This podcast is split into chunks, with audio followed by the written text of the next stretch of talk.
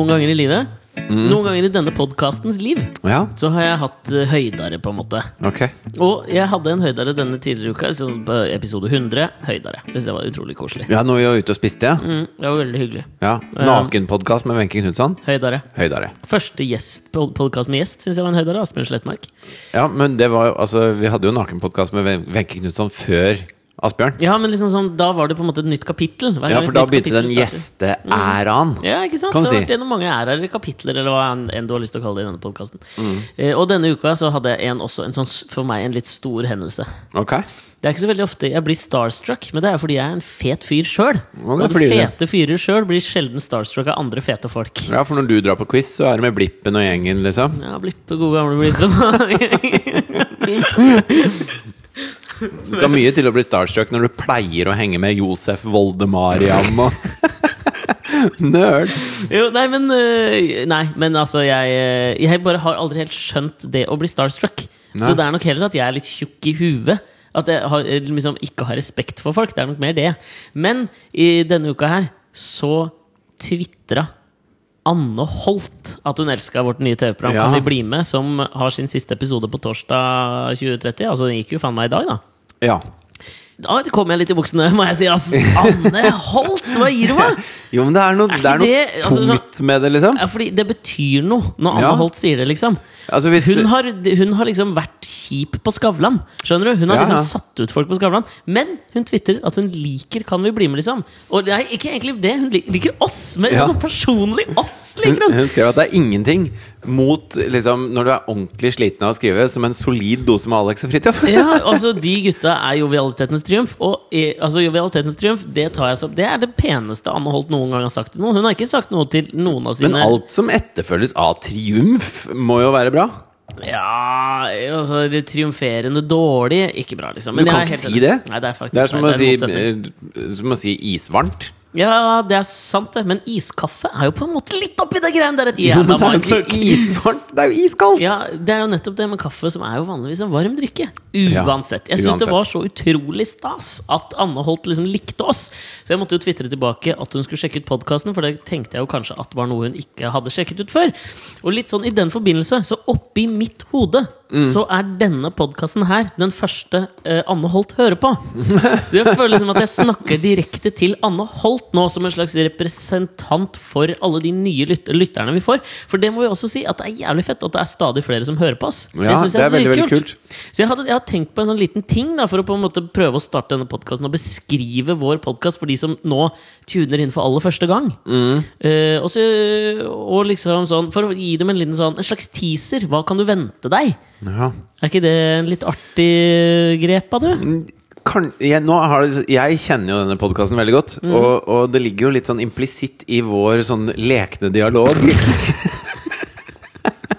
At vi liksom også skal være underholdende for Så bare ikke kjed meg! Det er det eneste jeg jeg tror ber om. virkelig ikke du kommer til å kjede deg. Eller noen av disse trofaste lytterne som vi er så glad i. Da, Nei, men jeg tror faktisk heller ikke de kommer til å kjede seg. At, men, og jeg tenker jo, og de i dette her vil kanskje sånn tenke Ja, det har jeg også tenkt på. Og da får man jo en slags åpenbaring. Og nå er jeg jo veldig gøy med åpenbaringer, si. ja, ja, ja. Bare spør de som er glad i skal du ha en slags sånn, skal du ha en slags sånn nyhetsvignett, da? Til uh... Nei, fordi dette er veldig sånn Det, vi skal, det jeg skal liksom prate om, er veldig i tonen. For det Ok. tenker jeg er veldig viktig her. Ja, okay, ja. At jeg liksom ikke liksom gjør det noe annerledes enn det podkasten vanligvis er. Nei. Og det er derfor jeg føler at Fordi det var en greie jeg leste om tidligere denne uka. Så leste jeg om en fyr som het Victor Gruen. Ja. En, uh, jeg gidder å ikke dunke ting i mikken. Det pleier vi ikke å gjøre i denne podkasten. Sorry. Victor Gruen. Beklager, Han er en, eh, ja, I dag snakker vi til Anne. Gjør vi det? Ja, vi gjør det. Det er til okay. Anne i dag. Uh, jo, Victor Gruen leste jeg om tidligere denne uka. En, uh, en fyr som bodde Bodde i Østerrike. Og så uh, flykta han fra Østerrike i 1938. Et, På grunn av all gruen som var der da? det var, begynte jo å bli ganske mye gru og grufs og grums. og det var jo veldig smart, han. Ja. Reiste til New York, ja. Var, var han jødisk? Ja. Ja. Ja, da var det spesielt smart. Nå svarte jeg ja uten å vite, og jeg tenkte jo Anne Holt, hun faktasjekker. Så Jo, jeg, jeg- jeg antar at han er jøde. Ja, men Det er jo veldig i denne podkastens ånd. At Ja. vi tenker at det, ja, hvis han rømte fra Østerrike i Ja, hva er en grunn 38, så tipper jeg han var jøde. Han var ikke bare veldig antinazist, liksom. Nei. Han var, han var jøde, han. Ja. Ja, Så han reiser til New York, og så slår han seg opp som en sånn eh, som fikser i, i Storefront Windows. Altså i butikkvinduer. Utstillingsvinduene i butikkene. Ja, en for å slags trekke folk inn. designer, designer, på en måte. En slags designer av utstillingsvinduer til butikkene. En 30 eksteriørdesigner. Ja, men Ja! En eksteriørdesigner. Ja. In, intern eksteriørdesigner. Intern eksteriørdesigner var det han slo seg opp som. Ja. Og litt fordi på 30-tallet så var det jo ikke akkurat megagod økonomi der borte, så han ville jo liksom Mye kropp med deg når du prater nå. Ja, var det det, Ja, men du har servert så mye god snacks her! Ja. Ok, jeg skal ta mindre kropp. Ok. Han slår seg opp som det, og det var jo vrient, siden det var dårlig økonomi i USA på den tida. Ikke sant? Ja. Eh, og det som var Ja, det, folk Altså, hadde ikke så mye første, penger å bruke. etter første verdenskrig så, så var jo hele verden omtrent bankerott. Ja, Unntatt USA. men i Fordi at det var 1929 de- kom jo det jævla krakket. Ja, det var det krakket. Ja, det var det krakket, ja! og der føler jeg de Var det pga. Obamacare? Det var på grunn av Hvem var som var president da? Jeg husker ikke, men det spiller egentlig ikke noen rolle akkurat nå. Var det Delano? Eh, FDR. Ja. Fy faen. Nei, jeg tror det var litt senere. Jeg lurer på det, altså. Ja. Det var ved utbruddet, det. Ja. ja, uansett, da. Ja. Eh, men Victor Grun hadde Wilson? Woodrow? Var det Samme det. Uansett, Anne, Anne sorry, vi er dårlige på Anne fakta. vet jo det. Anne vet. Hun har det bare sånn. Ja, Woodrow Wilson. ja. Men det som var Victor Gruds liksom store kampsak her, var at det, han var Jo, så nå skal jeg slutte med dette, men var ikke Wilsons New Deal det som kom i kjølvannet av krakket, og som eh, brakte landet på fot igjen? ja, Eller ja. Litt det samme som uh, Du tenker på Tony Blair. Blanda jævlig med Tony Blair. Den New Labour-greiene til Tony Blair. Nei, eh, Woodrow Wilsons New Deal, hvor han begynte å betale folk for å grave grøfter. Folk som var arbeidsledige etter krakket. Er du sikker Også- på dette? Ja. Det ringer noen Ja. bjeller, liksom. Men jeg jo, kan ikke men si jeg, at jeg tror det, altså. Jeg lærte om det på skolen. Og da, da var det masse folk som var arbeidsledige, som plutselig fikk jobb, da. Ja. Med å grave grøfter som, de Som jo en slags trengte, liksom. USAs rallare, som vi hadde i Norge. Ja, De trengte å drenere rundt veiene, sånn at veiene holdt seg. Da. De bygde infrastruktur, liksom, og fikk betalt for det, alle de arbeidsledige. Og det gjorde at de hadde penger å bruke, og det gikk tilbake inn i økonomien. Positiv liksom. spiral oppover. Ja, det er smart. La oss si at dette stemmer, da. Litt som Francis Underwood sitt America Works-program i House of Cards. Ja, Men ikke røp for mye av det nå, fordi jeg har ikke sett ferdig House of Cards. Og ja, jeg vet at jeg kaster stein i glasshus også, ettersom jeg har spoila alle andre TV-serier. i denne her Men jeg er jo også for å kaste stein i glasshus. Anne, bare jobb deg tilbake i podkasthistorikken vår, så skal du høre det. Victor Grun hadde liksom en liten sånn fanesak. Han hata liksom bilene. Syntes amerikanere var for opptatt av biler. Men i tillegg her da, så var han jo jævla opptatt av å få folk inn i det som kalles et third place i sosiologien. ikke sant? First place, det er hjemme. Second place, jobben. Third place, amerikanerne hadde ikke noe third place. Så det Victor Grun gjorde, var at han fant opp kjøpesenteret. Han er mannen bak kjøpesenteret. Eh, første kjøpesenteret kom i 1956, tror jeg, i Minnesota. Ja. Der var det Victor Grun som sto bak.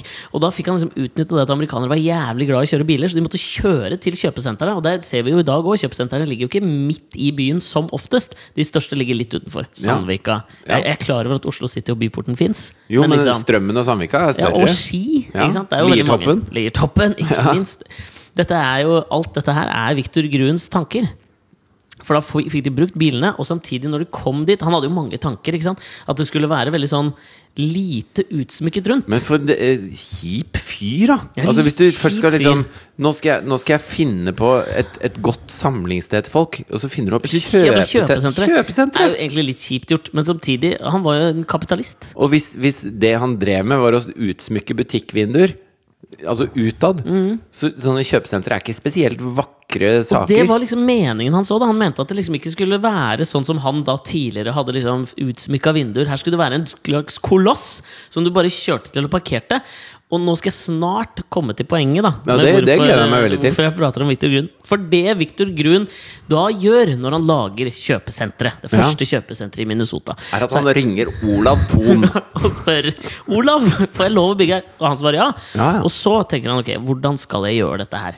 Og hvis du tenker deg om, så er jo dette uh, appliserbart i dag fortsatt. ikke sant? Uh, når kunder kom, altså Dette er hele filosofien til Victor Grun. Så når kunder kommer inn i et kjøpesenter, så gjør den der intensjonelt forvirrende layouten som egentlig er i kjøpesenteret Det er ikke, det er ikke liksom sånn intuitivt hvordan et kjøpesenter er bygd opp. Det gjør at du altså, Nei, det er må- ikke sånn det er ikke sånn at når du går inn Så Hvis du går inn på et hotell, da så Ja. kan du gå ut fra at du finner heisen og Resepsjonen. Alt alt mulig sånn. Hvis du går inn på et kjøpesenter og skal kjøpe deg mobiltelefon, Mm. så er det ikke sånn Ja, men hvis jeg alltid går til høyre og opp, så er det elektronikk. Ja, Ikke sant? Og det er meningen, da. For det han mener, er at hvis du blir forvirra, så begynner du automatisk å gå saktere. Og du begynner å legge merke til flere ting. Det vil si, du bruker mer penger. Litt den samme psykologien som gjør at liksom alle de der små tyggis og sånn er plassert nærme kassa. ikke sant? Ja. Akkurat den samme liksom, psykologien som spiller inn. Det var hele hans mål. Det som mål. irriterer fettet av meg med kjøpesenteret, Ja. er at du kommer inn, og da, står det, da er det alltid sånne svære rulletrapper oppover. Ja. Men du, det, du må jo lete som faen for å finne den som går nedover igjen, stort sett. Jo, det tror jeg også har noe med Victor Grun å gjøre. Men det er bare inni dette her så tenker jeg at Jeg hater Victor jeg. Ja, men Ikke gjør det, da! For jeg føler at det er litt sånn at vi kan overføre det litt til Alex og Fridtjofs podkast. At det er intensjonelt forvirrende layout. Men du får med deg jævla mange ting inni her hvis du bare begynner å gå litt saktere sammen med oss. Prøver du å si at vi er et jævla kjøpesenter? Vi er et Ja. Ok. Ok, Jeg Nå- syns det var en Oi, nydelig hva? analogi. Nå hørte jeg at Anne Holt skrudde av. Nei, nei, og jeg skvatt så fælt!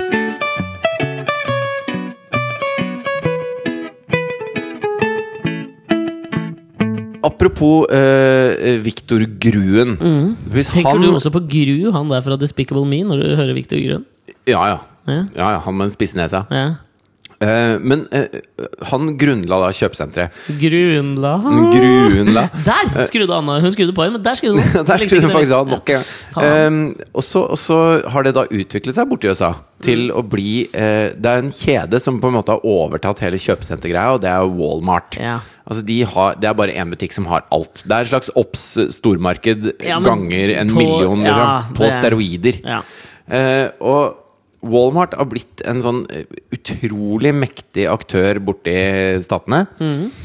Og så leste jeg nå at eh, Obama skal ha en, en militærøvelse som heter Jade Helm 15. De har alltid veldig barske navn. Freshe navn. Jade, hva er det der? Jeg tenker på Jade Scorpion. jade. Det er jo en stein som er er laget av rav.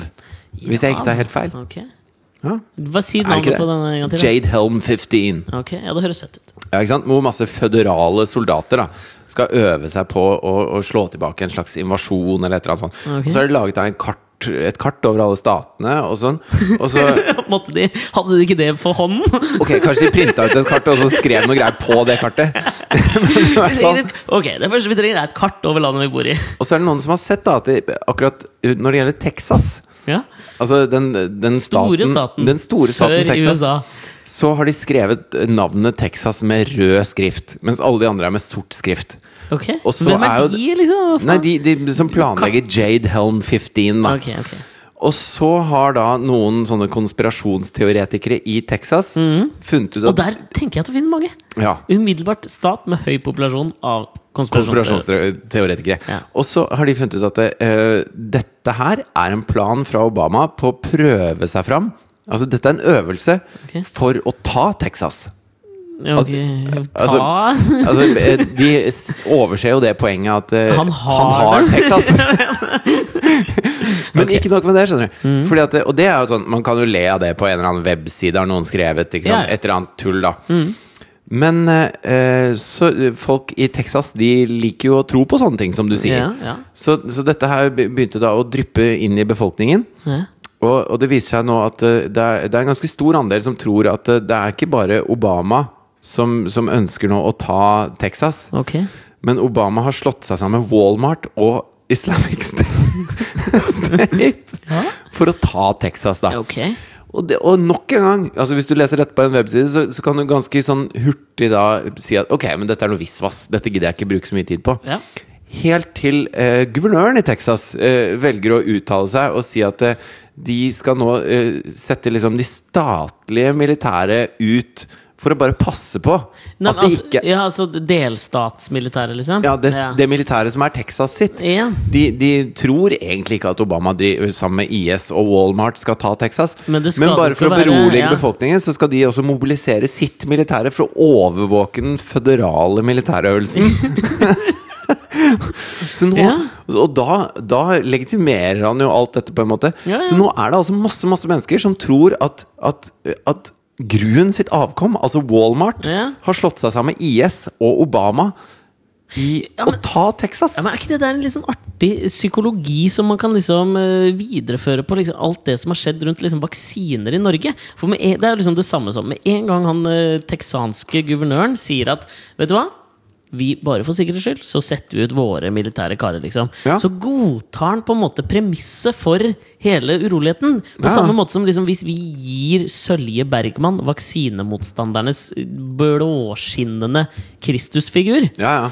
eh, gir henne Han er taletid, liksom. T-skjorta til Per Sandberg, han. Ja, han er det. Og, og han, ellers så er han er jo på en måte Sølje Bergman på en eller annen måte. Da. Eller, nei, han er på en måte pressen som gir Sølje Bergman taletid. Sølje Bergman er konspirasjonsteoretikeren som sitter og skriver dette på en eller annen texansk blogg. Ja. Og han, Det er det samme som at hun får liksom komme i salongen på P2 og si liksom, vet du hva? Vaksiner er ikke greit. Det er liksom det samme som skjer der. Vi må jo bare aldri slippe til sånne folk. Vi må Nei, og eh, altså det derre Altså Tony Blair kom jo opp i en helvetes knipe pga. det vaksinemotstand-greiene. Bare for å ta veldig veldig kjapt bakgrunnen for hele den vaksinemotstanden som, som skjer rundt i, i verden, og har skjedd egentlig de siste 15 åra, Ja. eller 14 er det vel, det var jo en britisk forsker. Nå sier jeg Ja, for- forsker, ja. med, jeg har et par gåseøyne på den ene siden og et par på den andre. Ja. Eh, han jobba på en anstalt som hadde folk med autisme. Og så uh, skrev han et, et forskningspapir som var 100% fiktivt. Altså Han hadde ikke noe belegg for noe av det han sa. Det var elleve pasienter på denne anstalten. Så skrev han at han mente at han kunne se spor av meslingvaksiner i tarmen til disse menneskene med autisme. Så, og det var det hos alle. Siden alle var vaksinert, som eh, 90% av befolkningen på den tiden var. ja. Og så mente han da at uh, han Nei, hadde belegg for Nei, mer. 95. Det er 95, ja. magiske grensa går. Ja. At han hadde belegg for å si at det sannsynligvis var uh, grobunnen for autisme. da, at det var det autisme kom av, var denne meslingvaksinen. Mm. Ja. Og så fikk han publisert dette i The Lancet, og det er den første feilen. Det er pressen som ga han taletid. ikke Det sant? det samme, og The Lancet er et guvernøren. utrolig respektert sånn uh, akademisk magasin. Mm. Og, og veldig mange som leser det, de tar det bare som sannhet. Mens meningen med sånne forskningsaviser er jo det at uh, når du publiserer noe der, så skal alle andre forskere kunne etterprøve det. Og så skal man finne ut av hva, hvor sant dette er. Mm. Ja. ikke sant? Eh, og så fant de ut at dette er jo bare vrøvl. Så han mista jo lisensen til å praktisere medisin, og han ble jo fullstendig diskreditert. Og Lancet gikk ut en måned etterpå og sa at dette er bare tull. Men innen det hadde skjedd, så hadde Mm. Så for folk som mange Jenny McCarthy, Ja. Bergman Så hadde masse aviser ikke sant, slått opp det på forsida. Og, og forskningsmiljøet er liksom en sånn liten gjeng borti her. Mm. Mens den, resten av oss Altså Jeg er jo ikke noe del av noe forskningsmiljø. Jeg leser avisa, da. Og så leser jeg Du sånn er sjelden inne på forskning.no. Kanskje Vel- ikke visste at den fantes Jeg tror ikke jeg har vært der. Nei. Men uansett så var det liksom han ene nutcasen der som starta en sånn bølge som nå gjør at, eh, at folk skjelver i buksene på Nesodden. Og det er jo dritskummelt! He fucked up everything! Det er Ja, ja, ja. deilig. Liksom sånn, han er liksom pasient zero. Det er, at, er det mulig?! Men siden dette starta i England, da så har jo eh, spesielt i England har det vært et kjempeproblem. At eh, eh, det er veldig mange de siste 15 åra, 14, som har valgt å ikke vaksinere barna sine. Mm. Og så, mens Tony Blair var statsminister, så fikk han en sønn som det viste seg var autist. Ja. Og da kom jo avisen, og så spurte de Har du gitt han vaksinen. ja. Og hvis han sier ja, jeg gitt han vaksinen, så får alle motstandere av, vaksiner et bevis på at eh, det fører til autisme. For da sier de Se, det skjedde til og med med statsministeren. Ja, og hvis mennesker... han sier nei, Ja. så gir han også vaksinemotstanderne ja, ild på bålet. Så han, det eneste han kan si, er ingen kommentar. Og alle, de, de gikk jo berserk der borte etter å finne ut om han hadde vaksinert sønnen sin, som fikk autisme. Men, men dette er så gøy, for dette er mennesker som har et litt lemfeldig forhold til begrepene kausalitet og korrelasjon. Ja. Mener nå jeg, da. Ja, ja. Fordi det er jo ikke noe sånn at bare fordi noe skjer etter hverandre, så er det ikke liksom dette Nå prøver jeg å liksom forklare det enkelt. Fordi Ja. noe skjer etter hverandre i tid, betyr ikke at det ene er grunnen til det andre. Nei. Det er det jo mange mennesker som har utrolig vanskelig for å forstå. Det er tjukke i huet idioter, bing bang i pling i ballen-folk Altså, som et, Bergman. et eksempel på øh, øh, kausalitet, da. Mm. Hvis jeg sier Jeg var jo på, på, på låtpanelet på P3 her nå. Hva er det for noe? Det er med Kristine Danke, og så skal vi synse om noen låter som jeg ikke liker.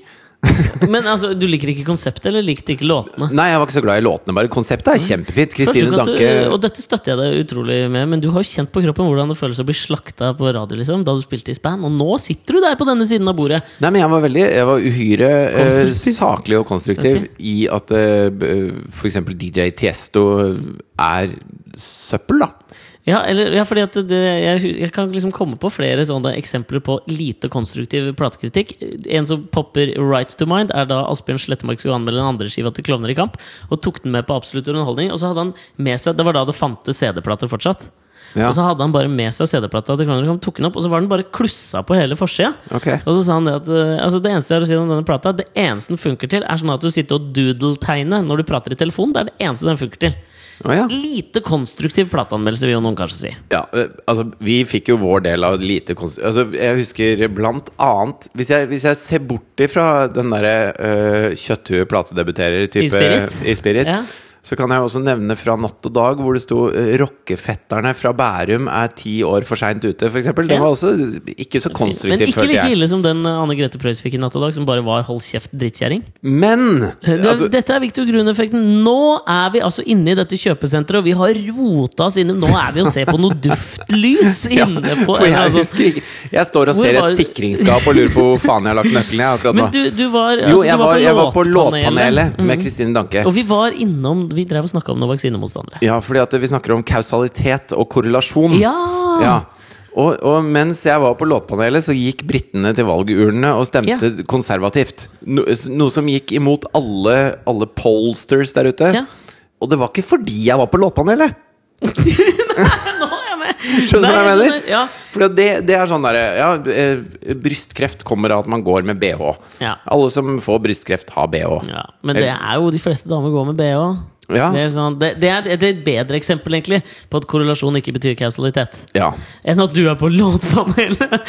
Det kunne jo hende at britene plutselig skrudde på norsk P3. Altså, nettradio fins. Du har jo tross alt bodd i England òg. Ja, ja, ja. Ja, jeg skjønner hva du mener. Men dette her, det er, altså Jeg merker at jeg, det er en, en av få ting jeg ordentlig hisse meg opp for om dagen. Det er dette her.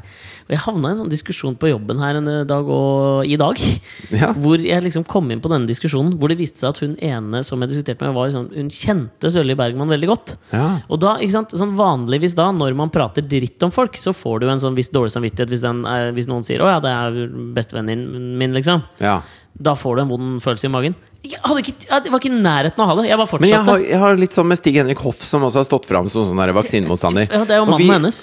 Ja, ikke sant? Ja, Men, men jeg kjenner jo Stig Henrik, da. Ja, vi og vi, vi hadde jo han med i et TV-program, blant annet. Superkul fyr. ikke sant? digger han, liksom. Han. Er så, han er så innmari sånn røff og, og skvær og raus Ja, han er skvær! Skvær han og raus. skvær! Ja. Og han er sånn så han kan si liksom sånn 'Nå er det fint vær', men så tror du på han, liksom! Og så Ja, er det poesi! Altså, jeg så han på Gullruten også, når han bare Han prater og han, Han bare Han vet, liksom! Og så plutselig er han vaksinemotstander, og jeg kjenner jeg, får, jeg, setter han i halsen med en gang, altså. Ja, off, Det er synd at sånne fine folk skal være helt pling i bollen. En annen ting som eh, irriterte meg noe grenseløst rett før du kom, er Altså, folk er jo så mot disse tigra, vet du. Ja. Ja. Og så leste jeg en artikkel fra noe sånn derre eh, Brønnøysundsblad eller et eller annet sted der hvor, hvor nå er det da Mm. Hvor er du, frekventerer du liksom mye inne på Brønnøysund? Nei, jeg så en link, da, og så trykka jeg på den. Sant? Facebook der. Ja, Facebook, da. Ja, ja. Okay. Så, så var det da en artikkel om døvstumme tiggere. Hvor overskriften var 'Innpåslitne døvstumme tiggere'. Men jeg bare Men hvordan i helvete kan de være så jævlig plagsomme, da? Altså, Er det mulig å være en plagsom døvstum tigger? Åh, Er det standup? Det Nei, nei, nei, det er ikke standup. Er det standup? Nei, for det var Anne, det er ikke standup. Slapp av, Anne. Artikkelen er da at de er så jævlig plagsomme, de døvstumme tiggerne. Ja. Og at de bare er løgn. De er ikke døvstumme. Men de spiller døvstumme. Det vil si at de holder kjeft. Og, holder kjeft. og hører ikke hva du sier. Det er å spille døvstum. Hvordan i helvete kan de plage deg så innmari når de holder helt kjeft og later som de ikke hører hva du sier? Altså Det eneste som er mindre plagsomt enn en døvstum tigger, må være en døvstum blind Helen Keller, liksom! Hun er den eneste som er mindre plagsom. Men jævla plagsom Helen Keller, ass! Altså, hadde det vært en, en eh, Altså, hvis de lot som de hadde eh, Hva heter det når de bare banner igjen? Tourettes. Ja, Tourettes-tiggere! Utrolig plagsom Tourettes-tigger. Ja, Det hadde vært greit. Bare slenger Ja. Faen, så en dritter liksom. Butt cheeks, fuck, fuck! Har du femmer til oss? Fuck you! Det kan jeg forstå! Hvis de later som de har Tourettes. Men at de later som de er døvstumme kan ikke være så jævla plagsomt.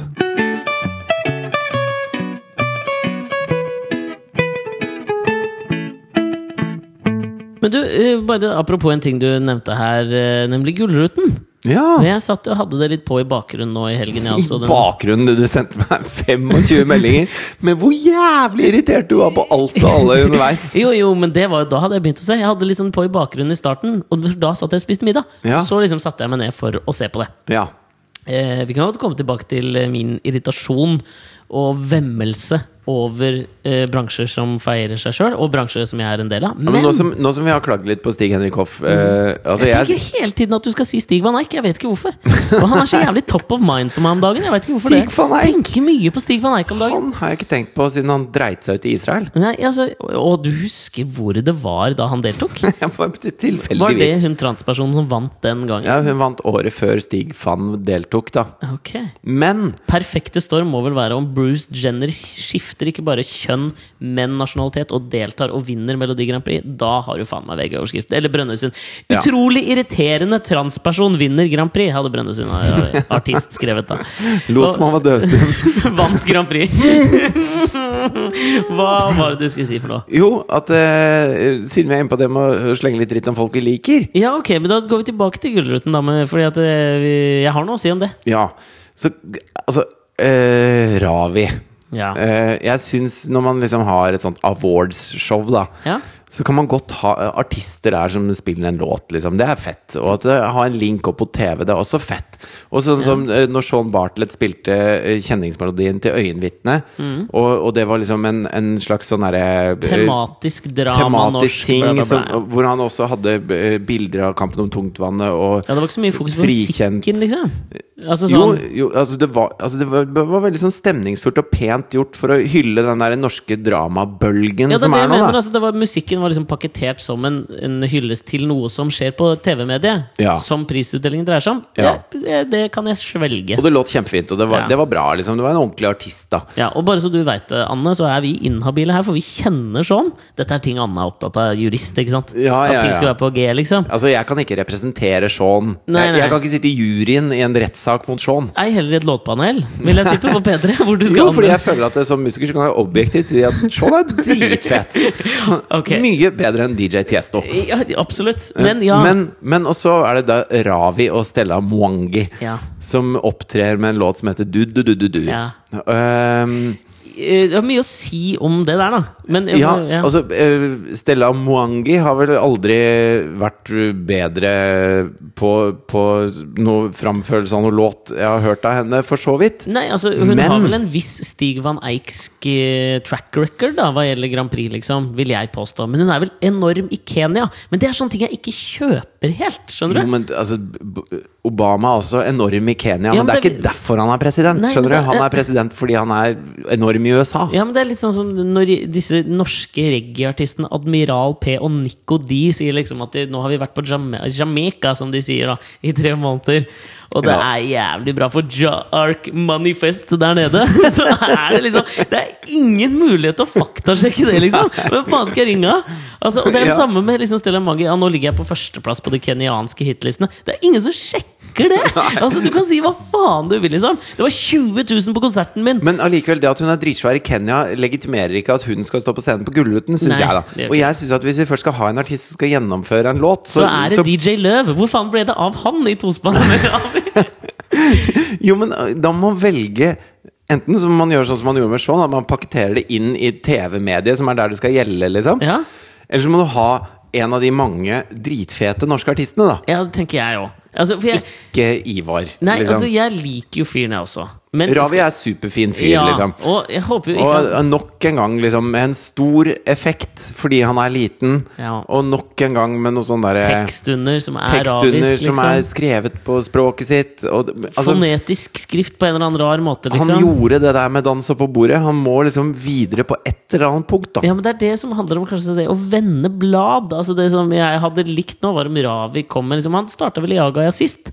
Kanskje hun kunne gå tilbake dit, eller vent blad en Ja. gang til og tatt det sånn Nå kommer Ravi med black metal. Det hadde jeg kjøpt, liksom. Jo, eller bare altså, Ravi kom med en vanlig popsang, han. ja, nå, skal, nå skal ikke jeg fjåse det til mer. Nå skal jeg være Ivar, faktisk. Ja, det og spille en låt jeg syns er fin. Ja, det, Altså, noe ordentlig, da. ja, jeg er helt enig. Og det- Maria Mena går ikke opp og sier 'nå heter jeg Ariam', og nå skal jeg synge litt sånn der kult som jeg ikke helt tror på sjøl. jeg, jeg, jeg, jeg er ikke med. Går i kortbukser 40 år, liksom. Slutt, da. det er bare raske menn som kommer unna med den, Ravi! Men du, en annen ting som jeg tenkte litt på eh, mens jeg satt der på Gullruten, det er jo altså sånn jeg, Vi to sender jo hverandre ofte meldinger sånn hvis vi sitter og ser på sånne ting. Ja. Uh, og Det jeg den nye interaktive måten å se på fjernsyn på. Her. Jeg hørt. det er en slags sånn Kompisenes sofa, Ja. altså programmet. Ikke sant? Så det er vi liksom, liksom fram og tilbake, og så dør jo jeg, kanskje litt oftere enn deg, av liksom erg, ergring. Ja, ja, du ergrer deg flittig. Jeg kortere lunte, da, på en eller annen måte. Ja, Men eller jeg- du bare du, Når du setter deg ned, så tenner du på den lunta, og så vet du bare ikke hvor sprengladningen sitter, men du vet at den kommer mange ganger. Ja, den gjør jo det, men jeg, jeg syns jo også at det går jo fort over igjen. Eller nei, det gjør ikke jeg. Det gjør ikke det. Men, men det, er så, det, det er derfor det er så innmari deilig for meg de gangene liksom du på en måte svarer med noe. Ja. Og liksom nærmer deg meg i liksom sånn Jeg ligger og vaker på ni og en halv. For du er jo den sjarmerende komboen av lettantennelig og langsint. Jo, men, også, men det, da er det jo ikke sint. Da er det mer sånn at jeg mister troa på Norge, ikke sant? Ja, ja, ja. Det, altså, det, og det er jævlig. Det er en dårlig kombo, veit jeg. Men samtidig så tror jeg det er det som pusher meg til å levere sånn at Anne Holt elsker oss. Da. Så det er jo noe positivt er det oppi det. Det er det som gjør deg cutting edge. Ja, det er cutting edge, det der, altså. Men det, det som var eh, en ting som jeg tenkte på da, er jo som jeg tenkte jeg kunne teste på deg nå, for det handler jo litt om det der at eh, veldig mye av det jeg sender i melding til deg, og sånn, det hadde jeg aldri turt å liksom si her i podkasten, for det blir for stygt mot folk, liksom. Ja. Men så er det liksom noen ting man skriver eh, som jeg tenker det bør man stå for etterpå, liksom. Ja. Ehm, og derfor tenkte jeg at eh, det fins en sånn måte å teste om liksom, folk er gode eller dårlige løgnere på. Ja. Jeg hørte på en sånn podkast hvor, de- hvor de fortalte om en sånn måte som, som så man kan teste det på ganske enkelt. Og det er da altså eh, å finne ut om du er en high self-monitor. Altså eh, om du, om du overvåker deg sjøl veldig nøye. Fordi de menneskene er jo sånn som ser hvordan andre oppfatter dem. ikke sant? Mm. og da er du ganske god til å ljuge. ikke sant? Hvis du ser hvordan andre, så kan du liksom spille på det i hvordan du framfører ting. ikke sant? Ja. Og så er det en test vi kan gjøre nå. Eh, som du skal gjøre. Og så skal ikke jeg fortelle deg hva eh, Du tar testen. Jeg Ja. forteller deg ikke hva det sier om deg, og så stiller jeg deg et spørsmål. Og så skal du svare på det, og så skal lytterne da sjøl bedømme om de tror på det eller ikke. Og så kan jeg fortelle etterpå om det er sant, og om du er en god løgner. Ikke sant? Skjønner du? Det er mange nivåer okay, her. Men ja, det er spennende. Dette er noe Anne ville satt pris på. Her er Det er mye nivåer. det er en test Det er faktisk en test. Ja, ok. Så det første du skal gjøre for å se da om, For at jeg skal kunne se om du er god til å lyve, liksom, Ja. det er at du skal tegne en, altså bokstaven Q. Ja. Skal du tegne stort i panna di. Ikke en ku, Nei, bokstaven Q bokstaven i capslock skal du tegne i panna. Ok. Dunka til mikken nå, jeg. Ok, okay nei, øh, jeg, Nå veit jeg jo da hvordan du, hvordan du er som løgner. Ja, Jeg vet jo ikke det engang, tror jeg. Nei, men Det, det veit jeg nå. Men nå, nå har jeg ombestemt meg litt nå. Nå tror jeg vi skal For at lytterne skal liksom kunne på en eller annen måte delta i dette For jeg vet jo at uh, Anne Holt liker jo oss, for vi er jo joviale, og det er jo joviale. Da drar vi med oss folk, ikke sant? så, nå kan, så nå skal folk få liksom lov å være med i dette her. Ja. Så jeg tenker nå er at uh, jeg kommer til å uh, lese opp tre meldinger. Som Ja. du angivelig har sendt En av disse har du sendt til meg i løpet av Gullruten. Okay. Og så skal du etterpå forklare hvilken det var. Ja. Så skal vi se om vi da tror på deg. Altså hvilken av Du må liksom forsvare hver og en av de meldingene. ikke sant? Okay, Nei, ja. den var det ikke. Den har jeg aldri skrevet. Altså, melding B. Ja, den var det. Den har jeg skrevet for de. Ja, melding C. jeg skjønner. Og uh, med dette i hus så skal da eh, lese, uh, lytterne vite at du gjorde kuen som at du var en god løgner. Din lille jævel. Og jeg er du en god er løgner. en god løgner. Det må de ha in mente her nå. Anne, Er det, er det du det? dårlig av meg å, å tenke at det er et pluss? Ja, altså, jeg tok jo denne testen på meg sjøl, Ja. Og jeg er en dårlig løgner.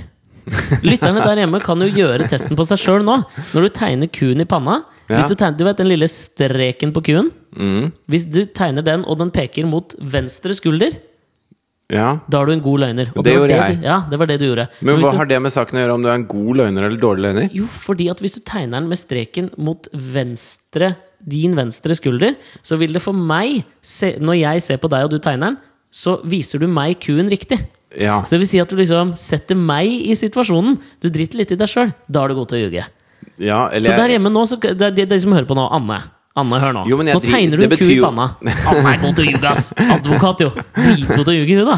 jo, men altså, det betyr jo ikke at jeg driter i meg sjøl. Det betyr jo at jeg setter meg sjøl så høyt at jeg tenker nå eh, Altså, eh, for jeg vet jo hva jeg tegner. Ja, det er det jeg mener. Altså at du tenker sånn Jeg trenger jo ikke å se det. Jeg trenger jo bare å vise det til han der, han der på andre sida, så jeg kan lure han til at dette Ja. er en ku, liksom. Ja. Skjønner du? Ok, ja. Ja, jeg, Mm. jeg er ganske sikker på at Anne Holt er tegnet til venstre side av skulderen. Men det må jo være noe smartness over det også, føler jeg. da det var, fordi at det, Men smartness er jo, krever jo for å være en fordi god løsning. Hvis jeg hadde tegna en ku så bare jeg så den, Ja? så hadde jeg jo ikke løst oppgaven din. Det er jo du som ber meg tegne en ku. Ja, men eh, akkurat oppi der sånn løgn Det er sånn jævla løgnhalser tenker! Det er så løgnere tenker så jævlig sånn der. Ok, men du sendte meg en av følgende tre meldinger. Mm. Melding Og nå skal vi si Exhibit A, da, siden Anne Holt hører på i dag. Okay. Hun er advokat. Ja. Exhibit A. Er det bare meg, eller har Stian Blipp trent altfor mye i det siste? Melding A. Du trenger ikke å kommentere ennå. Melding B. Handler alle de som Stian Blipp, eller? Ja, han delte jo et pris på Gullruten. Ja, han gjør det. Melding B. Er det bare meg, eller har Stian Blipp fått en sånn Tore Torell-vib? Melding C. Tore Torell, han gamle tryllekunstneren. Ja. Ja.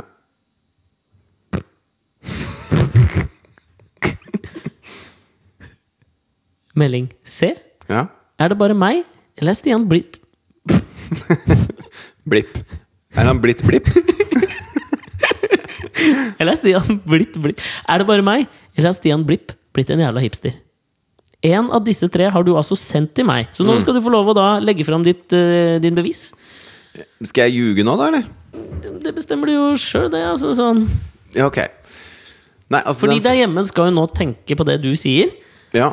Og så skal de liksom vurdere sjøl, og så avslører vi til slutten hva som er den ekte. Skal de se om de faktisk klarte å gjette riktig etter at du har forsvart liksom sånn Den sendte jeg ikke, den sendte jeg, den Du skal liksom ja. Altså, den første der Det kan jo hende oppi dette her at du forteller sannheten, at lytterne må øh, skjønne det. Den første der, eh, den eh, At han har trent så mye i det siste, mm. det, det tror jeg han har. Men det var veldig sånn kroppsfiksert av meg å så- Mhm. og så sende det til en kompis. Ok. Eh, Sånn at den, den vil jeg ikke vedkjenne meg. Okay. Det, det er ikke min tekstmelding. det er ikke A. Det er ikke Sier A. du? Ja, det er ikke A, fordi at, det, fordi at jeg er ikke sånn Hvis jeg ser en veltrent eh, fyr på TV, så må jeg sende melding til til Alexander og si Du, han eh, har noen raffe biceps, han duden der. Ok. Eh, melding to, at eh, Stian Blipp har fått en sånn Tore Torell-vib, Mm. den føler jeg eh, er såpass eh, altså, Den er såpass tydelig at du har konstruert okay. for å være festlig. Ja. Altså for, Tore Torell er en eldgammel referanse. Gammel tryllekunstner. Mm. Kjent for sine røykbomber på 80-tallet. ja. ja. Så at Stian Blipp har en sånn slags tryllekunstner-aura over seg, og at det da skrives som en Tore Torell-vib, Mm. det er sånn type ting som du konstruerer for denne podkasten for å få meg til å virke eh, litt nerd. Okay. Sånn at den vil jeg heller ikke vedkjenne meg. -hmm. Men det at Stian Blipp er blitt en jævla hipster, Ja. Som kommer i en slags eh, flanellblazer, mm. det har jeg ikke noe aber med å skrive til deg, min venn. Okay. For det mener jeg virkelig. Ja, øh, vi skal jo la det eh, ligge litt til, merker jeg. For det man kan si da også, som jeg lærte meg da om folk som lyver, når jeg hørte på dette her, mm. det er at øh, ved å oppgi veldig mange detaljer da gir du. Ja, Så, okay. Og det var vel på ett av disse alternativene så kom det jo hakket mer detaljer enn de andre. Ja, det Gjorde det ikke? kanskje- Jo, det gjorde kanskje det. Ja, Han har jo fått en jævla Tore Torell-lyd, da! Han ser jo ut som en blanding av en sirkusklovn og en tryllekunstner. Jo, men altså med den derre barten og sånn derre glatt sånn derre liten sideskill, og så en blå fløyelsblazer. Hva, som, hva skjer med blå fløyelsblazer? De har ikke brukt det siden, siden, siden de der, Hva het de der to med løvene på scenen i Las Vegas? Sigfrid og Roy! Ja, han ene ble vel spist opp av den løven. Ja, ja, det, det er blazeren til Sigfrid som ble spist av løven. Altså, Stian, du er dritfet, men bare kle deg som folk, da.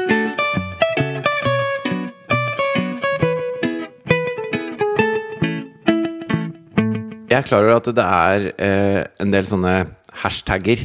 Altså Det er en hashtag blant annet fjortiser som hører på Alex og Fritjofs podkast. Så når jeg, når jeg sier det jeg har lyst til å si nå, så kommer jeg til å virke jævlig gammel. Ja, Men det er ikke like gammel som Anne Holt følte da hun brukte den, pod, den hashtagen. hashtaggen. Ja, eh, men eh, jeg kjøper jo ofte kaffe nede på Joe and the Juice, som ligger rett nedi gata her. Skal vi da ta en liten avsporing og snakke om Joe and the Juice? Eh, må Som vi det? et slags altså Joe and the Juice er meg, for meg blitt liksom symbolet på alt som er gærent med kaffebransjen. Det har jo vært en svær diskusjon denne uka. Det var en brite som het McPherson, tror jeg, som skrev en lang kommentar om hva han mente var liksom galt med norsk kaffekultur. Og han mente det ble, var representert ved Espresso House og Starbucks. Ja. Som han syntes bare sugde. Han var så «Eh, Fuck you! Ikke sant? Ja. Og, ikke sant? Jeg synes det, det, det er så lett da å hate Espresso House og Starbucks. Og jeg er jo Ja. enig med han på en måte. Men det han liksom forsvarer det med, er at de burde vært mer som Kaffebrenneriet. Eid av fuckings Norgesgruppen. De har like mye som kapital i ryggen. Så han har liksom bare ikke helt skjønt greia. Og sånt blir jeg litt sånn irritert av, fordi det er så lett å ta. Men Joe and the Juice er også en sånn kjede. ja, det er det jeg mener. Fordi det, her skal vi heller inn på liksom kjernen av problemet på hva dette er. Jeg har prata litt om kaffekultur før. Jeg har bl.a. lansert teorien om at vi bør ha to køer. En sosial kø og en liksom bare gi meg kaffen og hold kjeft-kø. Ja. På Joe and the Juice her har vi den klare tanken For meg da, så er det klare symbolet på det som er gærent, og det er den jævla joviale jævla det, Jo, Her kaster jeg stein i glasshus her! Ja. Hører du det, Anne? Det er jovialitetens triumf med negativt fortegn skjer på Joe and the Juice. Jeg Ja, men skal bare ha den kaffen. Når jeg går inn på Joe and the Juice, Å, fy faen, så jeg var jo med deg her, Så står Leo er- der. ja, Så står Leo der. Og sier han 'hallo, Fridtjof'. Fy Skal du ha det vanlige? Ikke sant? Og jeg bare Ja, selvfølgelig. Og så, jeg syns det er trivelig, ikke sant?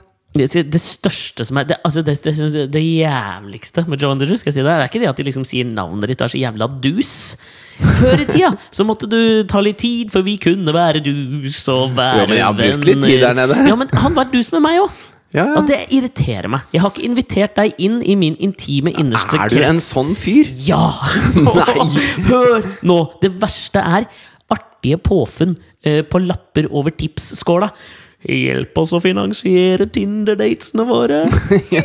Faen, jeg hater artige Jo, det, forsøk på å prøve å få jævla tips. det står det faktisk. Ja, det er det Ja. jeg mener! Og det er så jævla irriterende. Kan dere ikke bare lage god, et godt produkt? Ikke pakk det inn i så jævla mye staffasje!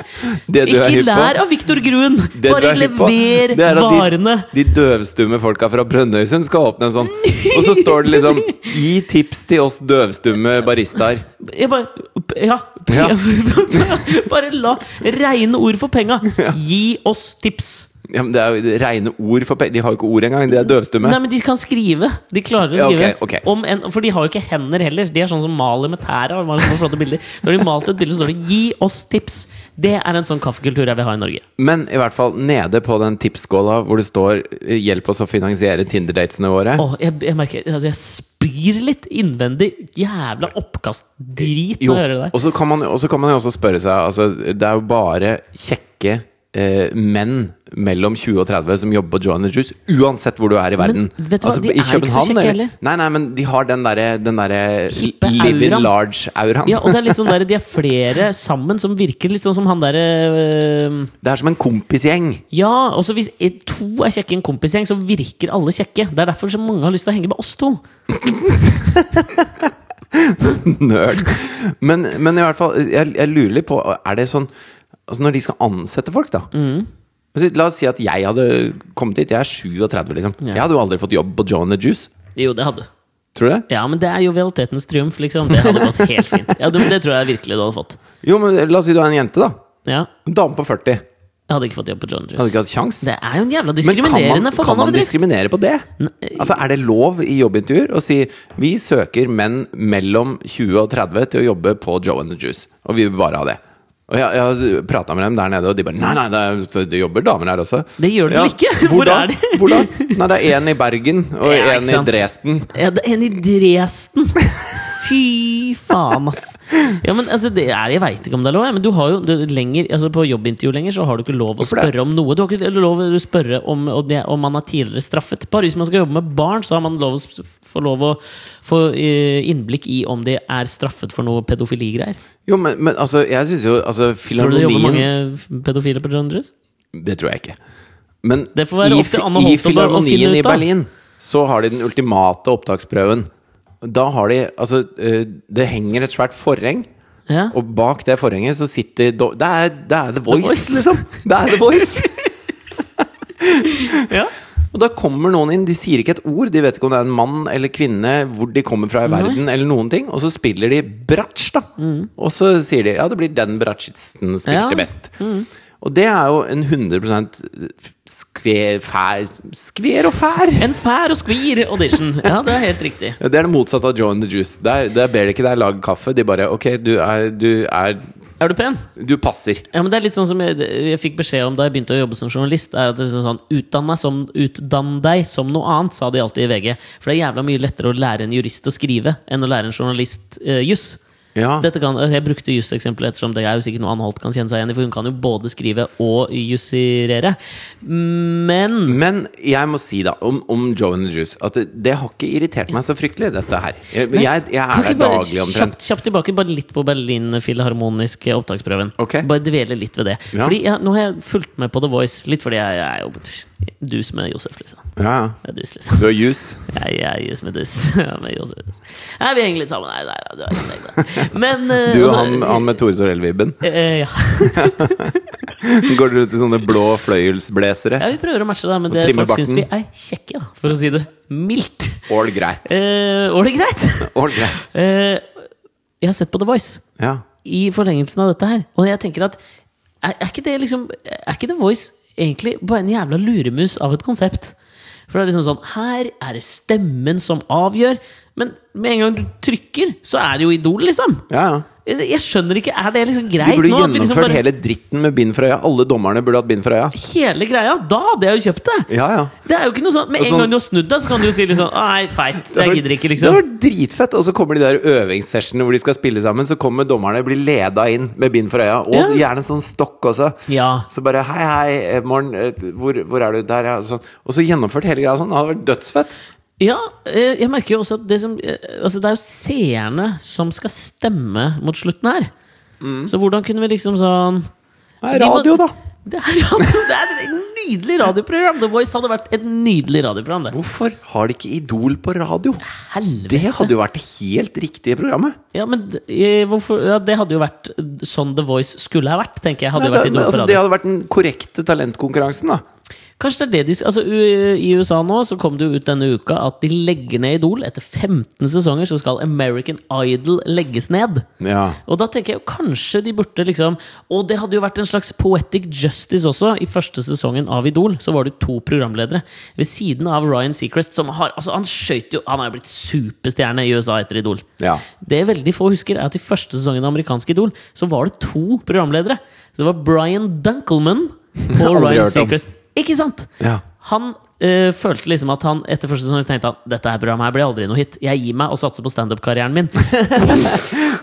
Alt skar seg for Brian Dunkelman helt fram til han i 2008 Så var han med på den der Celebrity Biggest Loser og gikk ned 15 kilo. liksom Og fortalte at ja, jeg må vel innrømme at jeg angrer litt når jeg nå ser hvor Ryan Seacrest er. liksom Ja. Men tenk deg den poetiske rettferdigheten som hadde skjedd fylles, da hvis Idol nå legger ned på TV i USA, og så åpner de det opp på radio til liksom enda større suksess. Nå har vi endelig liksom knekt koden på, på Men jeg tror det kunne radio. vært Og så et er det Brian Dunkelman som er programleder! Ja. Hadde vært nydelig. Det hadde vært nydelig.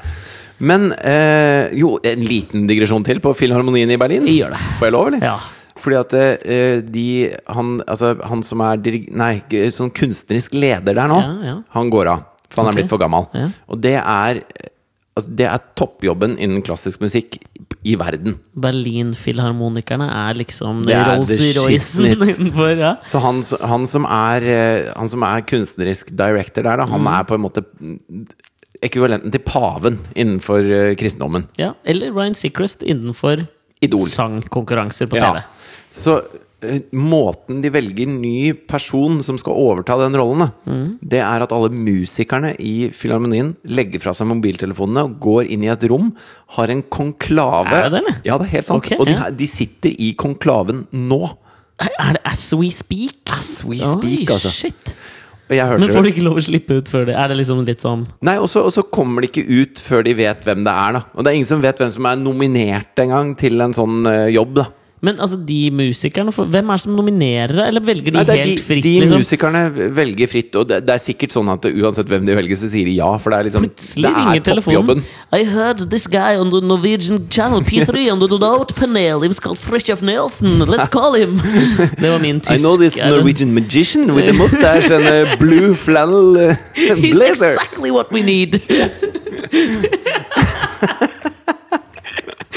Stian Blippe, ny, ny leder for Bergen Nei, Bergen Filharmonikeren! Berlin Filharmoniske! Hadde jeg, da hadde jeg begynt å se på uh, Hva heter den der hovedscenen på NRK2 Ass? Ja, Men det jeg skulle fram til Vi- med Joe and the Juice, Ja. var at i denne tipsskåla hvor det står 'Hjelp oss å finansiere Tinder-datene våre', Ja. så lå det her i går ett russekort. Ok. Og på det russekortet så var det bilde av en jente Ja. som sto med, med noen hippe shades. Og, og gjorde noe sånn derre Noe gangstersk med Du vet sånn Inn med noen fingre fra hver eh, Ja, side. Jeg skjønner. Og så sto det bare 'Living it large with my bitches'. Og jeg bare kjente at eh, Vet du hva?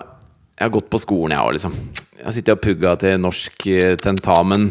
Og det er ikke noe 'living it large with my bitches' over det greiene der. Altså, altså, altså de har Nei, det, jeg, det provoserte meg 10 000 ganger mer enn Du ble provosert av ei lita russejente, men ikke av han løken som står bak der og er dus og har skrevet Jo, men hun russejenta som krangler med foreldrene sine om når hun skal komme hjem på fredag, liksom, skriver på russekortet at 'I'm living it large with my bitches'. Det er, det er Hun skriver kuen den veien jeg gjør det. Hun er en faen meg god løgner. Hun lyver så hun tror det sjøl. Hvis hun virkelig tror at dette er å live in it large. Nå skal du være med, nå skal du være med Mike Tyson. Da, når han, når han Mike Tyson! Mike Tyson blæster 22 millioner dollar på to år uten å egentlig huske åssen han gjorde det. Det er live in it large with some bitches.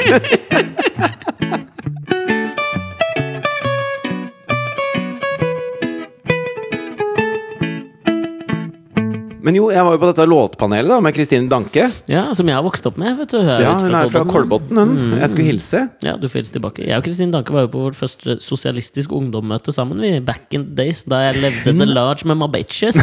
Hun var jo en av dem. Ja, Ja. Hun er et enigmatisk menneske. Ja, Det kan jeg skrive under på. En sammensatt person, altså. Jeg føler altså liksom nå du- kom du med et drypp til. ikke sant? Ja. Sosialistisk ungdom. Hun har jo vært kommunepolitiker for SV i uh, flerfoldige år. Masterutdannet sosiolog, eller? Er hun det? Jeg lurer på det. Kløktig bare- dame. ikke bare en- Kommer fra ja, en ekstremt musikalsk familie. Faren Altså- hennes er en sånn primus motor for jævla mye lokalrevyer og sånn. Ja, kommer det sånn. behøver ikke bety at han er jævlig musikalsk. Nei, men mus eh, han er familien sånn- er musikalsk. Hvis han er sånn revy, revyonkel Og så spiller han vel i uh, Beatles-coverbandet Det Betales. altså, Nerd. Men ikke sant Hun er øh, altså, Nok en gang, da. Altså, kommunepolitiker, sosialistisk ungdom, Mm. eh, masterutdannet sosiolog, DJ? DJ i Hotel, kan det stemme? Ja, det er riktig. Ja, med liksom noen andre kule hun, Og da er hun liksom på den der 'living it large with my bitches'-bagen. Men, men får, å, får det til å funke på en eller annen måte? Ja, Det er hun og en som heter Silje Larsen Borgan, som utgjør Hotel. da Ja, Det er jo hippe chicks. ja det er hippe chicks, ikke sant? Og, og de, Vi kan ikke bli jo jævlig gamle oss dit og si sånn! jo, jo, men Fy faen, jeg får gråere hår. Ass. Jo, men hør nå, da. Hør nå da. Så, så, og så er hun DJ på P3, og, og liksom er litt sånn Hun liker å være først ute med å like de tingene som andre ikke vet om ennå.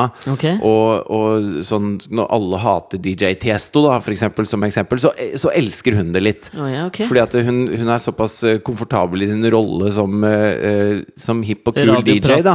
Og- Og radioprater. At, at hun har takhøyden da, til å like det ikke alle liker. Ja, det syns jeg jo det i synes utgangspunktet jeg- er jævla fett. da Ja, det er kjempekult. Altså, det- ja. Og så den siste liksom, spikeren i kista på dette enigmatiske mennesket, er at hun elsker å bake! Ja, Jeg følger henne på Instagram. Det er faen meg, altså Denne dama her, altså uten sammenligning for øvrig, men jeg føler at med en gang man liksom åpner hjertet til Kristine Danke, så er det en slags Og for all del velmenende Pandoras jævla eske, ass! Og så har hun jo sluppet en, en rapp rappesingel som vi har snakka om før. Jenteinvasjon. Jeg tror den fins på YouTube. Jenteinvasjon. I vår nasjon. Ikke sant? Så, og så når jeg kom inn på, på, i studio på P3 der, så, så står hun, og så har hun da en stor kaffekopp, Ja. og så en egen sånn der liten glasstrakter, som hun heller kokende vann ned og sånn. V60, liksom. Ja. Og så, Jeg vet ikke hva V60 er. jeg vet mer enn de fittene på Joe and the Juice. Unnskyld, ass. Fy faen, det er wankers. Og så sier jeg sånn Å, ja, du er opptatt av kaffe, liksom? Mm. Hun bare Ja, hun hadde aldri smakt på det som kom ut av den kaffemaskina der, Fordi det, det var hun helt sikker på var noe drit. Hun hadde lukta på det, og da kjente hun at dette er ikke noe hun skal smake på. Hun er sånn ekstremt opptatt av smak, og så hadde hun bakt av noe noe eh, eh, Skal sånne jeg ta sjokoladeflaren, eller? Jeg vet ikke. Sjokoladeflaren. Nei, hun hadde bakt noe eh, eh, Red Velvet cupcake Nei, ikke cupcakes, men Red Velvet cookies. Ok. Red Velvet er en er amerikansk Cheesecake, kake. Da. Nei, det er ikke Nei, nei, nei. Nei det, er, det er en kake, rød kake. Red Velvet cake. du kan ikke være programleder for Kakekrigen og si det der. Og så hadde hun bakt noen lime eh, cupcakes med noe topping og noe greier. Så det sto klart, men så hun liksom trakta kaffe til meg. Jeg følte at jeg var på sånn matprogram. Og så skulle vi sitte og synse om den musikken. Og, og jeg bare jeg, jeg må si at jeg syns Kristin Danke er et fascinerende menneske. jeg, jeg, må, jeg må jo si meg noe jævla enig, men ikke sant? dette er problemet for meg. da Altså, du Jeg tipper at jeg har et annet blikk på Jarle Bernhoft, uten sammenligning for øvrig, eh, enn du har. Mens Helt jeg, sikkert. som har liksom vokst opp med Chris Danke, Ja. har jo ikke helt det samme bildet på henne som en slags eh, Rubiks kube av et menneske, altså. Du har ikke det? Nei, jeg har jo ikke det, men det er jo kanskje fordi jeg vet hist og hast, liksom. Altså, jeg veit Har du jo hva som henne? sto på Nei.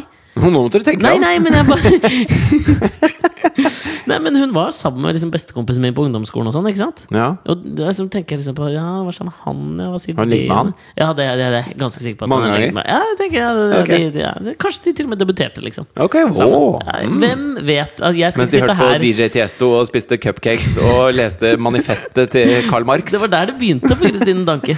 Å, men, altså, men du skjønner jo hva jeg mener. At liksom, med en gang du, når du har sett noen vokse opp, Mm. så vet du liksom Det avmystifiserer dem. Det gjør jo det! Ja. Michelle Obama. Jeg er glad i Barack, liksom, men hun er ikke fascinert av han fortsatt, liksom. Nei, hun er irritert på Barack. Hun Er irritert, liksom. Og Ja. så tenker hun sånn Kan du ikke bare farge det håret nå?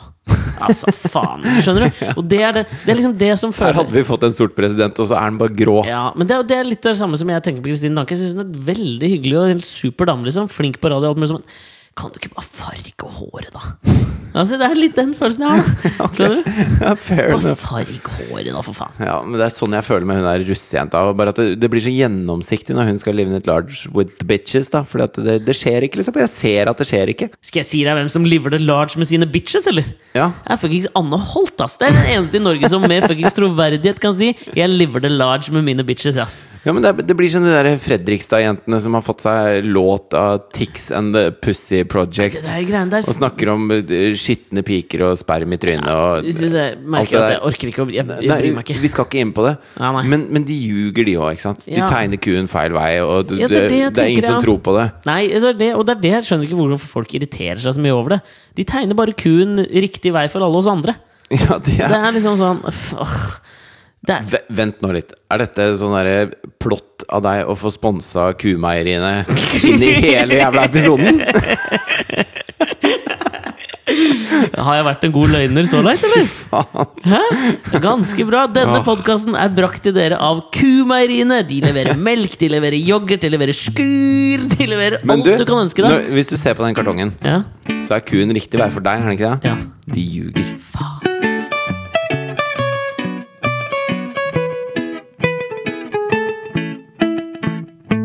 Jeg håper jo eh, at ingen har gått seg helt vill i denne ukas podkast. Victor Gruen-style, hvis du skjønner hva jeg mener? Ja, hvis du først er på Victor Gruen, Ja. og vi har brukt Tore Torell som referanse, det, er- det er liksom gamle referanser, skal vi slå et slite Et, et, Et lite gag? Et lite gag, et lite slag for å ta inn på en måte gamle eh, referanser og gamle måter å løse problemet på. Eh, ja Jeg kan jo fortelle en historie fra virkeligheten. Vi gjør det. Ja. Ja. Nigel Farage, vet du, lederen Ja, for UKIP. dette UKIP borte i England, som er en slags eh, en, en hyperbola Frp-løsning Ja. der borte. Han eh, sier jo mye dritt om innvandrere, ja, han er jo for å si det mildt. En slags Jimmy Åkesson, da. Upolert Jimmy Åkesson. Ja, og så syns jeg at det var en polsk innvandrer borti England som, som løste dette på en veldig god måte. Ok? For han var på, han var på en sånn eh, En sånn der, eh, rally, eller hva det nå heter. Ja, en politisk, en politisk- vekkelsesmøte. Ja, en politisk debatt eller et eller annet. der, hvor- Som Kristine Danka. Hun, hvis hun hadde sittet her nå, hadde visst hva det kaltes. For hun har vært på Ja. så mange av dem. Og, og hvor han Nigel Farage er der, da. Og til slutt. Si hva du vil om fyren, jeg hater trynet hans, men det navnet klinger fett, ass. Mr. Farage Ja, og det er litt sånn som Danke. ikke sant? Det klinger også jævla fint. Ja, litt underdanig kanskje i Tyskland. og Sånn, danke, danke. Jo, men Er ikke det nydelig? at Du skriver kun feil vei da, hvis du heter Danke, liksom. Ja, f- ja, det- Men det er noe Espen Thoresensk 'tusen takk, vær så god'. Ja, det er det, men uten køddedritten, liksom. Ja, ja, ja. Jeg er enig i det. Ja. Men i hvert fall Nigel Farage. så til slutt så blir da denne polske uh, Og han har bodd i England i 20 år, eller hva den er. Han blir lei, ikke sant? Han føler at Nigel Farage bare slenger dritt til han, da. Ja. Så det han gjør, er at han utfordrer han til duell. ja, jeg liker det. Med, med liksom pistol, da. Møt meg der klokka tolv. Ok, så ja, vi ha duell, liksom. Okay. med Altså, hva heter det for noe? Ammo? For faen, jeg er lite bevandra innafor det med, med kuler, liksom. Ja, jeg tror det er Eller planen, Eller paintball, liksom. Altså, nå har du, nå har du Han har tenkt å drepe altså, Han, han, døds, han, han truer Ja, han Nigel Farage på livet, det er det han gjør. Nei, han sier at eh, en, en av oss må dø, liksom, fordi at de fornærmelsene du har kommet med til meg nå, er så grove, og de er så feil, at, eh, at dette finner jeg meg ikke i lenger. Ok Og det er jo en, en fin måte å cut the bullshit på, da. Ja, men det er litt Det er liksom sånn Jeg hater tipsskåla på Joe and the Juice. Ja. Men jeg kommer ikke til å drepe noen av de som jobber der, av den grunn. Nei, men det er noe helt annet. Altså, hvis de hadde bare slengt dritt til deg og dine Ja. hele tiden, så på et eller annet punkt så må det gå litt IS on their ass. Ja, men skal man det? Jeg veit ikke om du skal Nei, oppfordre jo til at du skal drepe Nigel Farage i Nei, denne jeg er jo ikke podkasten. enig med meg sjøl, men jeg bare syns at det Men du liker, altså, du liker, liker- tanken på at noen tør å, å si det, i hvert fall. Jeg liker det at, eh, at eh, når folk sitter og diskuterer innvandring, så liker jeg at en som er innvandrer, rekker opp hånda og sier 'slutt å slenge dritt om meg', ja! Det liker jeg. Det, du, hør, la meg bare skissere opp det du sier, da. Når vi diskuterer det med innvandrere, så liker du tanken på at en innvandrer rekker opp hånda og sier 'Hvis dere fortsetter sånn og snakker vi om sånn, og dette her, så dreper jeg dere'. Da tenker du 'Dette ville løst. Nei, det var ikke det jeg sa! Jeg sa at, det, at det nå, nå slenger dere masse dritt som faktisk er feil! Jeg skal drepe dere. Ja, men dropp den! Men okay, dropp den drepegreia, da. Det ble jo ikke noe av denne duellen. Altså, Nigel Farage er på, han er på sommerferie, han, og han har slutta Ja. i partiet sitt, for de gjorde det så dårlig.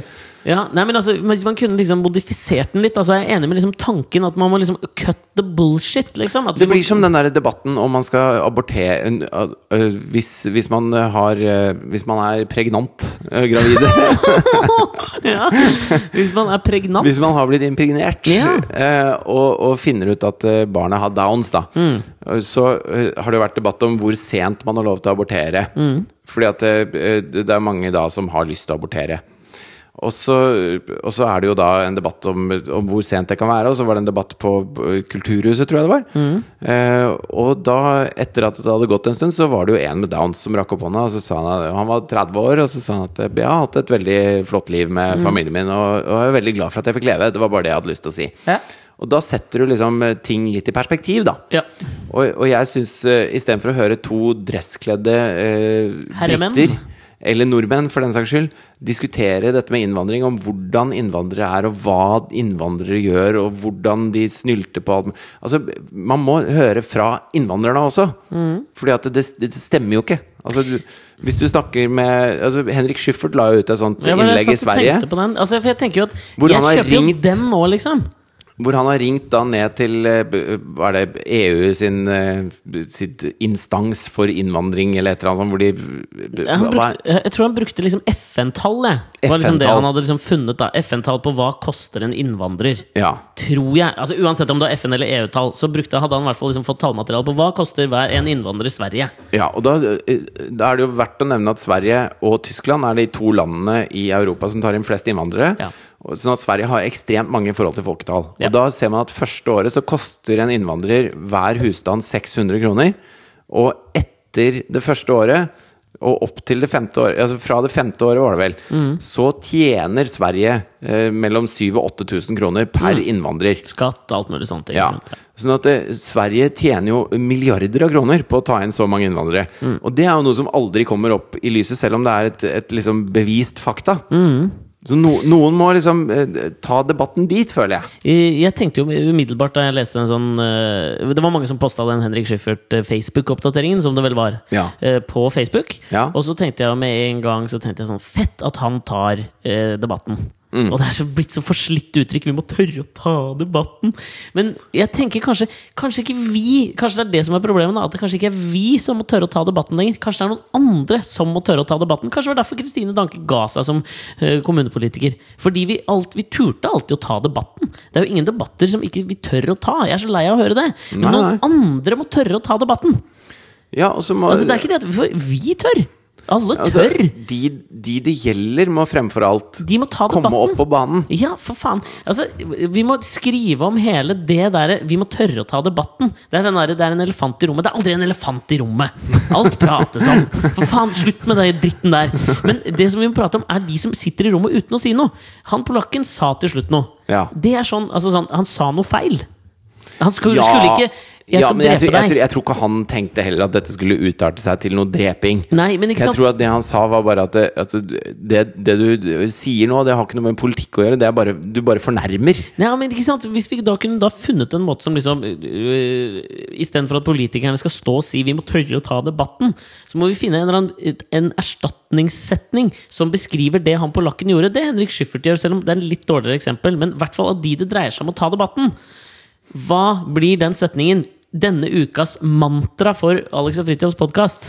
Nå kommer jeg bare på sånn gå planken og En naturlig ting kunne jo vært altså, Vi må tørre å live the large med våre bitches.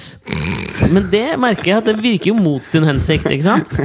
Nei, men jeg har en bra slogan til innvandrersamfunnet. Ok Hjelp oss å finansiere våre Tinder-dates! Den, der har vi, da tør vi å ta debatten. Da tar vi faen meg debatten. Finansier Tinder-datene våre, liksom. Ja. men Jeg er helt enig, det får være denne ukas mantra. da Fader heller. Du, bare før vi avslutter, så bare t- takke liksom lytterne og de som har sett på, for nå er, kan vi bli med over for denne gang. Mm. Eh, Det har vært en haug av fantastisk reise. Det har det. Det har vært veldig kult at så mange har giddet å se på. Eh, Vi har en siste episode, har vi ikke det? Liggende ute på Kan vi bli med på bakrommet på YouTube? Det har vi absolutt. Ja. Skal vi se om vi kan finne på noe annet artig der framover. Og denne podkasten ruller jo og går. Ja. Så jeg anbefaler alle å abonnere på YouTube-kanalen vår og lytte til podkasten vår. Og ellers lev large med bitches av dere. Og hjelp andre å finansiere Tinder-datene sine. Det er viktig. Ja. Ha det. Hei, jeg heter Ravi og jeg ringer fordi jeg måtte ha tak i deg. Og du husker kanskje meg, ikke det, nei, ok, men jeg kan ikke glemme deg. Hei, jeg heter Ravi og jeg er bitte litt kortere enn mora di. Jeg har rød bart, rødt skjegg, rødt her og der, så jeg håper du liker ingefær. Jeg blir litt stressa og ringer på dagtid, for jeg møtte deg natta på et party. Du hadde pynta deg og sminka deg lik kvinnene inntil skinnene, magasinene. Jeg kikka på deg, og du nikka til meg. Jeg klarte ikke rime, boka legitime. Jeg er gal etter ei dame 24-7, og det er du. For du Jeg burde gitt bikkja ei luftetur, men du I huet mitt, der